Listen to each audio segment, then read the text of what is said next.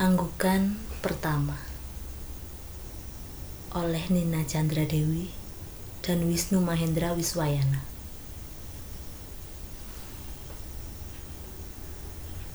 Hari raya ini merupakan yang paling indah dalam hidupku. Ini pertama kalinya ada baju baru. Warnanya terang memikat seperti semburat sinar matahari pagi. Jingga.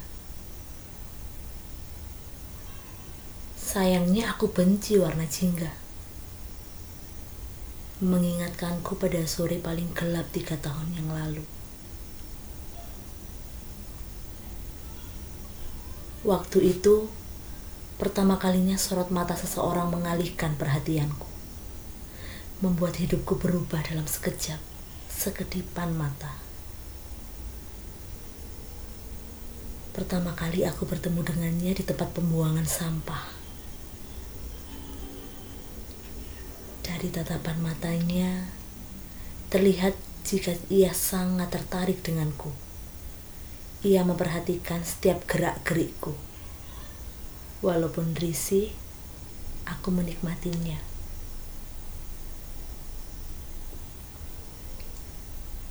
Perlahan tapi pasti, ku dengar derap langkahnya mendekatiku. Kupikir mungkin ia seseorang yang akan menyelamatkanku dari tempat ini. Aku bosan di tempat ini. Aku ingin bersekolah juga seperti yang lain. Langkahnya berhenti.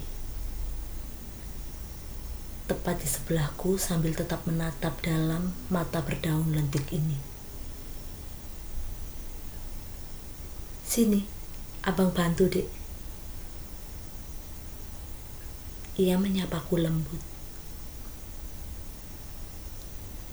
Aku tidak menjawab sepatah kata pun ucapannya. Hanya sebuah anggukan kecil. Membiarkan ia membantu membawakan keranjang berisi botol-botol kosong ini. Kemudian kami sibuk dan tenggelam dalam diam sore itu.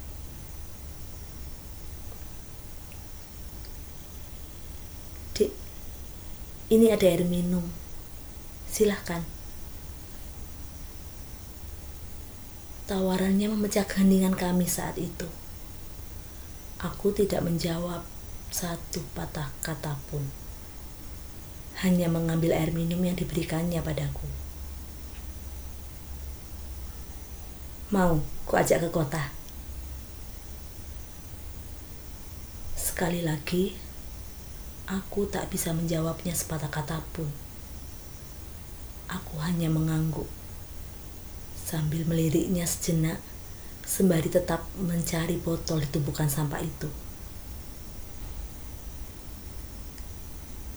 Kalau begitu, besok kamu mulai bisa ikut aku. Ujarnya padaku.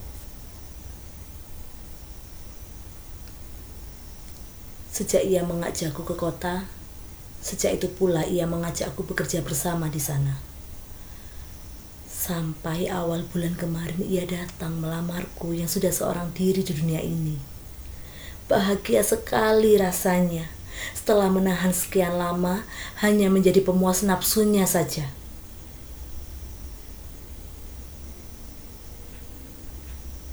Seperti inginku dulu, ia sudah mengajakku pergi ke sekolah selama ini. Mengajariku bermain dengan kelamin dan menggunakannya dengan benar. Sekali lagi dan lagi, aku hanya bisa mengangguk saja ketika ia meminta aku untuk melayani nafsunya.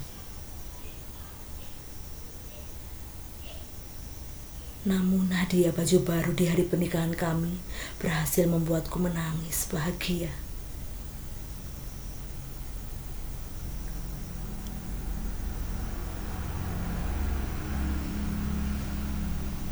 Aku tak ingin lagi mengingat sore gelap tiga tahun yang lalu itu. Saatnya aku dan kami menyambut pernikahan sebagai sinar matahari pagi yang menghangatkan kami. Setidaknya aku bersyukur Dengan hangat, ia telah menerimaku yang tak pernah bisa bersuara selama ini.